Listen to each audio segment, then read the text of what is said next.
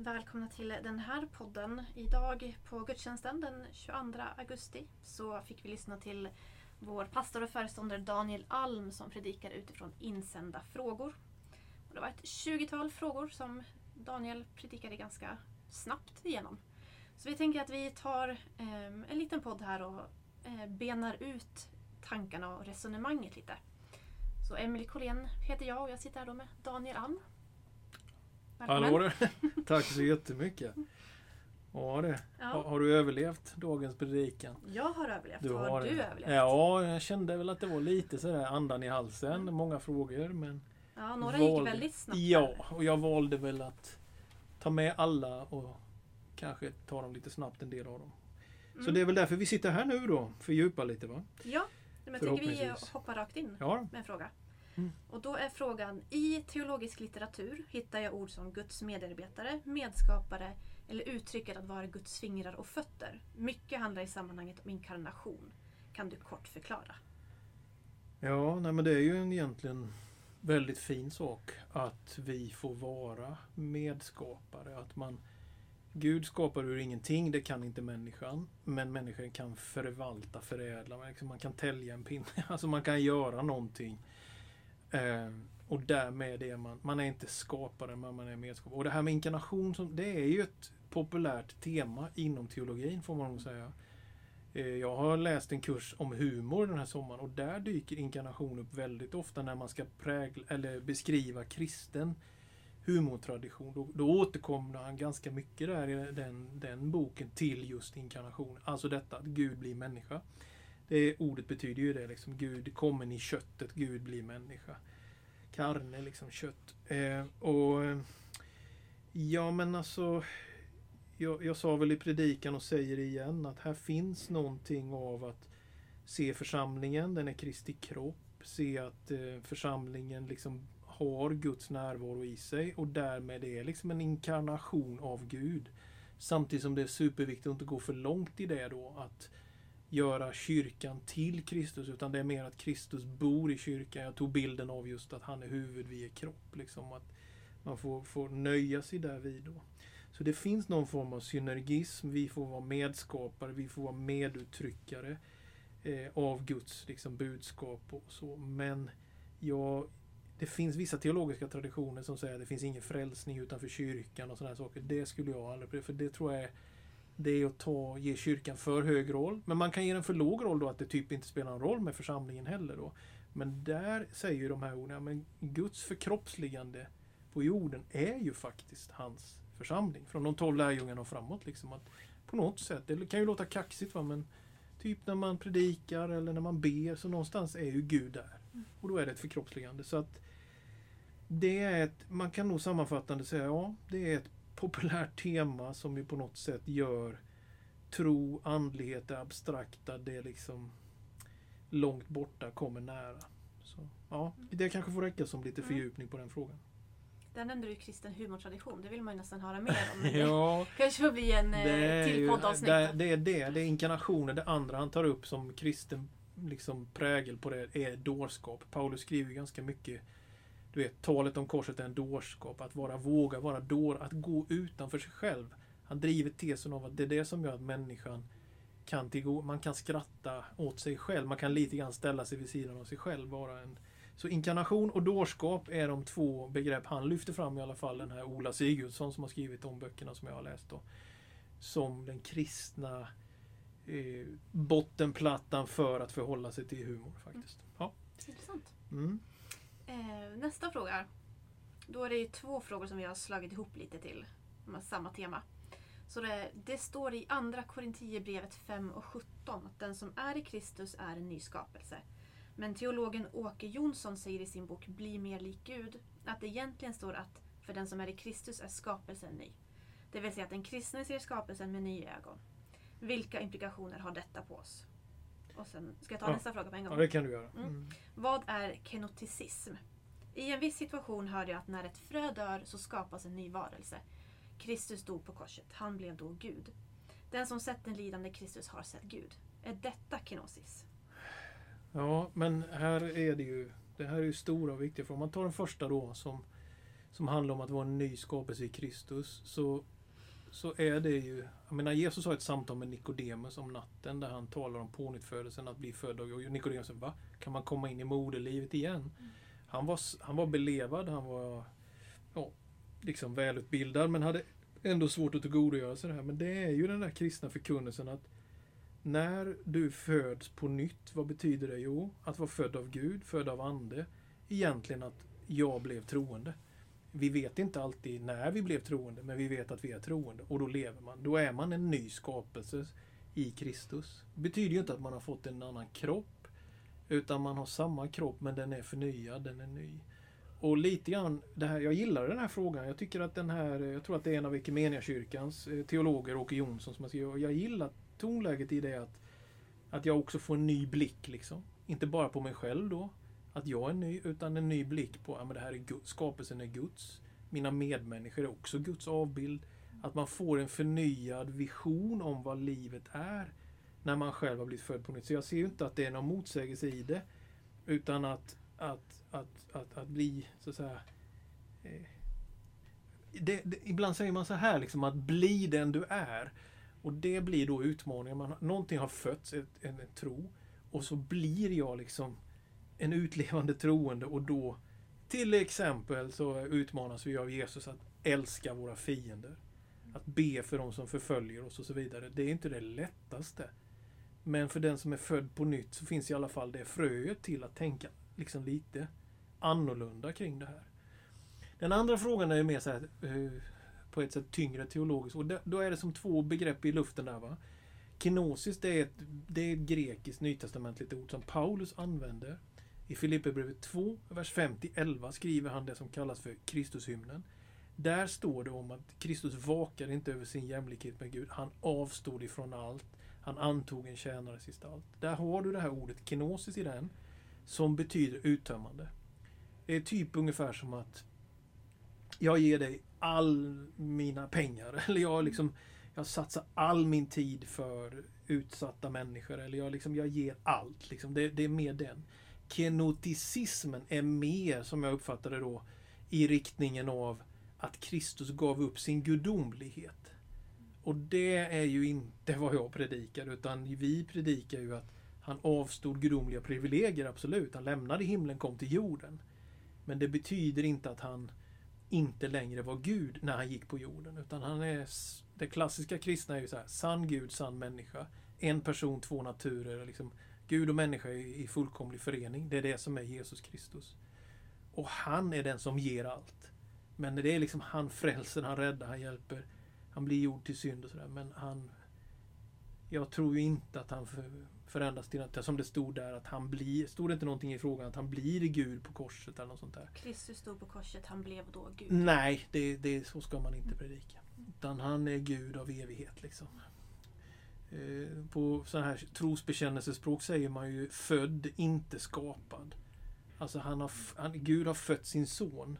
Men det betyder inte att han tillhör skapelsen. Han är en del av skapar enheten, så att säga, gudomen då. Så han är, eh, är evig helt enkelt. Ja, mm. så är det. Fråga tre. Om människan aldrig begått en synd, hade Jesus funnits då? Jo, men det svarade ju egentligen på alldeles nyss. Va? Att han är av evighet. Så absolut. Men det är klart, det ligger ju i frågans riktning mer kanske att hade han behövt komma till jorden? Hade han behövt dö på ett kors och så vidare? Och på ett sätt enkel logik är väl nej, det hade han väl inte behövt om paradiset hade kunnat bestå. Men, men det är ju liksom, jag var inne på det i predikan tror jag ett par gånger, liksom, Gud har inte gjort oss till det verkar inte som man vill att vi ska vara robotar utan någon form av fri vilja har vi fått. Jag tror inte den är hundraprocentig. Alltså jag har inte valt att födas i Sverige. De som föds nu i Afghanistan eller i Burundi eller i USA, alltså vi, vi väljer verkligen inte allt. Så vi har inte fri vilja till 100%. Det tror ju sekulära extremindividualistiska tänkande tror jag att man kan ju bestämma sig. Jag skulle kunna säga Nej, men jag är en någon annan person än vad jag är. Alltså där. Så att jag tror att man får acceptera mig. Men det finns någon slags fri vilja. Och den kan man använda i olika riktningar. Och det har Gud liksom Så på något sätt tror jag ändå att redan från början så visste ju såklart Gud att jag kommer att behöva ta hand om den här skapelsen. Mm. Jag kommer att behöva hämta hem den liksom. Mm. Frälsa. Så, men, men visst, absolut. Hade vi aldrig syndat så hade ju Jesus funnits men kanske inte att hans inkarnation och det hade blivit på samma sätt möjligen. Då. Yes? Mm. Vi går till fråga fyra som är en ganska lång fråga. Så det är från Matteus 25. Där då. I liknelsen om talenterna i Matteus kapitel 25, verserna 14 till 30 får tjänarna ansvar över fem, tre och en talent. Var och en efter hans förmåga. Ändå blir den rika mannen arg på den som fick en talent för han förvaltat den dåligt. Har han inte bara förvaltat efter sin förmåga? Vad är det den rika mannen blir arg på? Kan det vara att han inte ens försökte göra något av talenten? Tänk oss själva att vi får i uppdrag att förvalta 20 årslöner som en talent var värd. Ska man jämföra talenten med evangeliet? Att inte gräva ner vår frälsning utan sprida det vidare så de frälsta så talenterna förökar sig. Hur går pastorns egna tankar? Ja, hur går egna tankar? Ja, precis. Nej, men det här är liknelse. Det ska man komma ihåg. Jesus använder bildspråk. Och jag sa det också i predikan, låt oss inte pressa dem för mycket, men det är en bild. Och det är ju det här förvaltandet som man är ute efter. Och, Och, och någonstans så... Eh, nej, men jag tror ändå att huvudpoängen i den liknelsen är just det här att man... Att det finns... Att man är rädd för att göra fel och därför gör man ingenting, typ. Att den faran finns där liksom. Att ja... Om man känner för att måla en tavla men man är rädd för att alla kommer inte älska en så därför vågar man inte måla en tavla. Typ. Alltså jag gräver ner mitt pund, min talent och i mar- Jag låter det bara vara. Så har jag i alla fall inte gjort någonting. Och I det här fallet förvalta åt en annan pengar då. Och jag i alla fall inte eh, Jag har inte förstört dem typ i alla fall. Då. Och det tycker han är ett dåligt förvaltarskap. Och det är väl lite så här allvarlig text till oss liksom. Eh, ja, men vad gör man av sin tid och sådär. Liksom. Att, att, att liksom på något sätt ändå hämta hem och tänka att det är faktiskt inte rätt att jag och du och alla typ medlemmar i en kyrka, att, att vi liksom tystnar eller är inaktiva eller sådär. Utan att Gud på något sätt också lite grann förväntar. Ja, men jag har ju gett dig en gåva, gör något med den, använd den liksom. Eh, och att man väl faktiskt mår bättre när man gör det, än om man bara sitter Alltså och väntar på bättre förhållande eller sådär. De kommer ju sällan utan man får på något sätt försöka vara aktiv. Och så får man hantera förhållanden. Så, så jag tror att det är det som är grunden i den här. Det är att inte gräva ner eh, sin förmåga för att på något sätt är det ju så att det vi gör i nuet på något sätt ändå har så här bäring på Guds rike på evigheten. Så det är ju lite allvarligt också. Absolut. Så då tänker du att det kopplas till förmågan? För här var ju frågan att kan man jämföra det med evangeliet? Alltså, det, man kan väl... Jag tänker förmågan primärt, men jag tror ju inte det är fel att tänka att typ en kyrka som slutar att försöka sprida evangeliet, det är ju att gräva ner talenten också. Så det har väl den kopplingen, men nog, nog tror jag det handlar om förmågan liksom. Mm. mm. Fråga 5. Här har vi också två frågor i en. Emausvandrarna i Bibeln gick hela vägen till Emaus utan att veta att Jesus slagit följe med dem. Först vid måltiden upptäcker de att Jesus följt dem. Är det inte så idag också att vi inte alltid tänker på att Jesus följer oss hela tiden och att vi inte utnyttjar den förmånen? Och fråga 2. Kan Gud se in i framtiden i detalj? Han har ju grepp om de stora planerna som beskrivs i till exempel Uppenbarelseboken. Men vet han nu exakt på sekunden när jag kommer att börja laga frukost på onsdag morgon? Frågan berör ju hur jag lever mitt liv, hur jag handlar, hur jag ber och så vidare.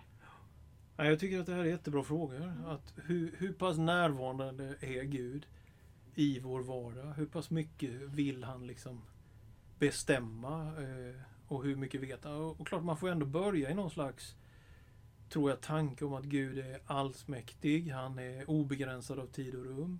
Han, han är liksom i morgondagen och i gårdagen samtidigt. Det, det, det klarar ju inte vår tanke, men det får man ändå konstatera. För Gud är inte tid en faktor egentligen. Bibeln säger tusen år som en dag, en dag som tusen år. Alltså det, det, det, är, en, det är en, annan, en annan sfär. Ska man då dra slutsatsen att Gud då är ens, det är, det är ens mega övervakningskameran liksom som är typ här nu och verkligen håller koll på. Eller är det så att Gud vill att vi ska leva och eh, uttrycka liksom livets gåva eh, jag lutar ju mer åt det och, och jag citerar då C.S. Lewis när han säger att Gud är så allsmäktig, vet allt, ser allt, kan, så att han gav oss fri vilja. Så han är Alltså han, är, han är så rik så han behöver inte tala om att han är rik. Mm. Han har så mycket förmåga så han behöver inte skryta med sin förmåga. Han liksom har en annan nivå i det där och låter människan. Det kan man ju nästan ifrågasätta med tanke på hur mycket elände vi också är kapabla att ställa till. Så kan man ju nästan absolut ifrågasätta det då. För det, människan använder ju sin frihet destruktivt väldigt ofta. Men jag tror ändå att det är viktigt att komma ihåg det, liksom att Gud, Gud är med oss. Eh, och jag ser inte det som kontrollfunktionen utan närvaron. Och jag tror inte att Gud liksom vill att vi ska bli robotar så att han säger ta nu röda strumpor idag. Liksom. Jag, jag, tror inte man behöver tänka så men, men ändå inte heller leva som om man vore en slags ateist egentligen. Fast man är troende så räknar man inte med Gud. Utan ja, men typ be en bön på morgonen. Gud var med mig idag, hjälp mig att ta rätt beslut. Ska jag ringa den eller vad ska jag? Alltså led mig typ. Jag tror mer det är en bra hållning. Så att, jag, så att inte man blir liksom... Man får inte bli krampig av det.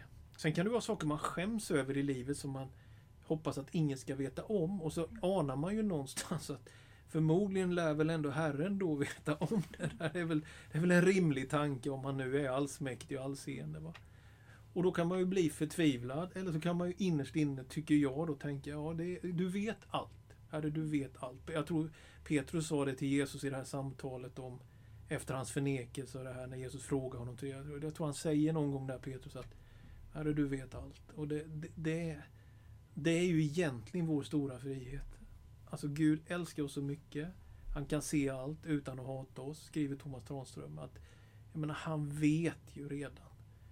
Och därför så kan man också, tänker jag, kanske få ork och kraft att bryta om man nu håller på med grejer som man inte ska hålla på med. Att faktiskt gudsnärvaron kan hjälpa ändå. Liksom att, ja, men, hjälp mig då att få bättre vanor eller vad det nu skulle vara. Så jag hoppas man skulle kunna tolka det här lite grann som första frågan. Det är en förmån liksom. Att han är med oss mm. hela tiden. Mm. mm. Men lite där då som det är i den andra frågan. Hur, hur ska det påverka mitt liv? Om Gud då är liksom utanför tiden. Han är imorgon mm. och han är igår. Mm. Hur ska det... Ja, men vi är hur påverkar det. det min bön? Ja, Om man redan vet. Nej, nej, Spelar precis. min bön någon roll? Nej men exakt. Va? Och det, ibland kan man ju... Du vet att som...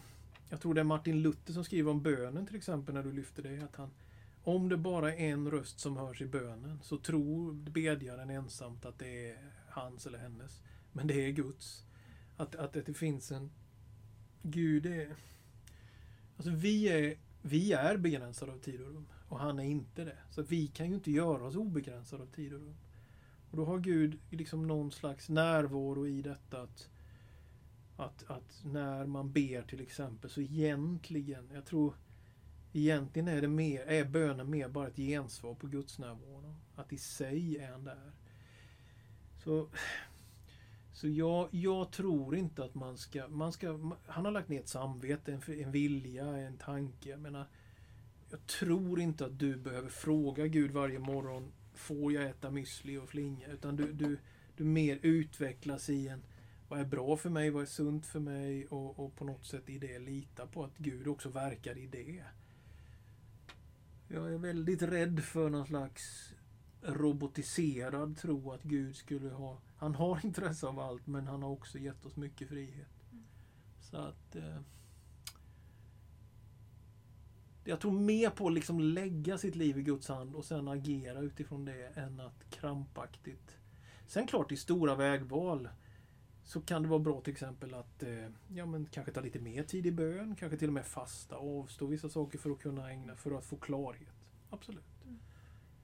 Så nog vill han leda, men... Jag törs faktiskt säga inte detaljstyra. Mm. Jag, jag, jag, har inte uppfattat att Bibelns liksom... Vi, det är inte nedtecknat på det sättet, utan det är mer ändå de här stora stråken. Som han leder oss igenom. Mm. Mm. Nästa fråga här. Vilket kommer först? Jesu återkomst eller etablerandet av Guds rike? Kan den stora vedermödan bli mindre om vi som Guds tjänare är aktiva i att göra rätt saker och förbereda Guds rike. Ja, men Guds rike är väl egentligen precis som Gud, evigt. Det har alltid funnits, kommer alltid finnas. Men sen så finns det genom det här vi har varit inne på, fria viljan, eh, människans vägval, destruktiva vägval, så kommer det... Man kan säga att motpolen till Guds rike är ju världens rike, skulle man kunna säga. Alltså, då menar jag inte globen, världen, geografi, utan mer ett system av högmod, egoism, girighet, ja, vad du vill. Och, och det riket kommer in genom syndafallet. Sen kommer Jesus och etablerar Guds rike. Han säger Guds rike är här. Så då har Guds rike brutit in i tiden. Det har funnits i evigheten men med Jesus bryter in i tiden. Och så börjar det. Och då är det här. Men det är inte fullt ut här. Det finns fortfarande ondska som kan göra saker, men det är här. Så Gud har etablerat sin godhet, sitt rike genom Jesus. Men det väntar ännu på sin fullkomning. Det får till effekt att man kan be till Gud och få ett bönesvar så. Man kan också be till Gud och få vänta hela sitt liv på ett bönesvar. Det är redan nu, ännu inte, eh, att Guds riket är här. Och, och minska vedermödan. Nej, det, det, jag tror inte riktigt att man ska tänka så. Nu gör jag, nu är jag snäll mot någon så då minskar vedermödan. Jag tror inte det är riktigt den logiken vi ska ha. Utan vi ska ha logiken att vi ska vara vakna, aktiva och göra det en församling ska göra och det kristna ska göra. Vilket är att ja, men be, dela evangelium, allt det här klassiska som är kristen livsstil. Och sen de här stora sjoken av paradigm och det, det, det är inte vår sak. Det får Gud ta hand om. Och vad menas med vedermödan? Ja, men vedermödan är ett begrepp i, eh, i de här apokalyptiska texterna. Särskilt, eh, alltså det dyker upp i Uppenbarelseboken, det dyker upp i, kan man säga, Daniel, kanske något stråk Hesekiel och sådär. Men det är ju en, det är ju en, en beskrivning av plågor, motgångar, eh, sjukdom, nöd och sådär. Så att eh, på ett sätt kan man ju säga att vi har vedermödor redan. Men sen är de som insatta i apokalypsen eller eskatologin, framtiden också. Och då beskrivs de ju som vissa liksom och, och, att det sker i olika, så här, i olika former. Och sen till slut kommer då Kristus att eh, Ja men det kommer en ny himmel och en ny jord och Babylon då som står, alltså symboliskt, den staden symboliserar hela det här världsliga eh, ondskans rike. En dag så ska det kastas i den brinnande sjön och så ska det nya Jerusalem etableras. Och då är ju vedermödor över. Liksom. Då, då, kan man också säga att då är det världsliga riket för alltid slut. Liksom. Då har inte ondskan, djävulen har liksom ingen, inget att göra längre. Då finns det inget hat eller krig eller korruption eller vad du vill av det där som bryter ner oss och förstör oss. Så just nu är det någon slags mellanläge skulle man kunna säga att det finns Guds rike men det finns också världsliga riket och i det ingår en del vedermödor tyvärr. Mm. Mm.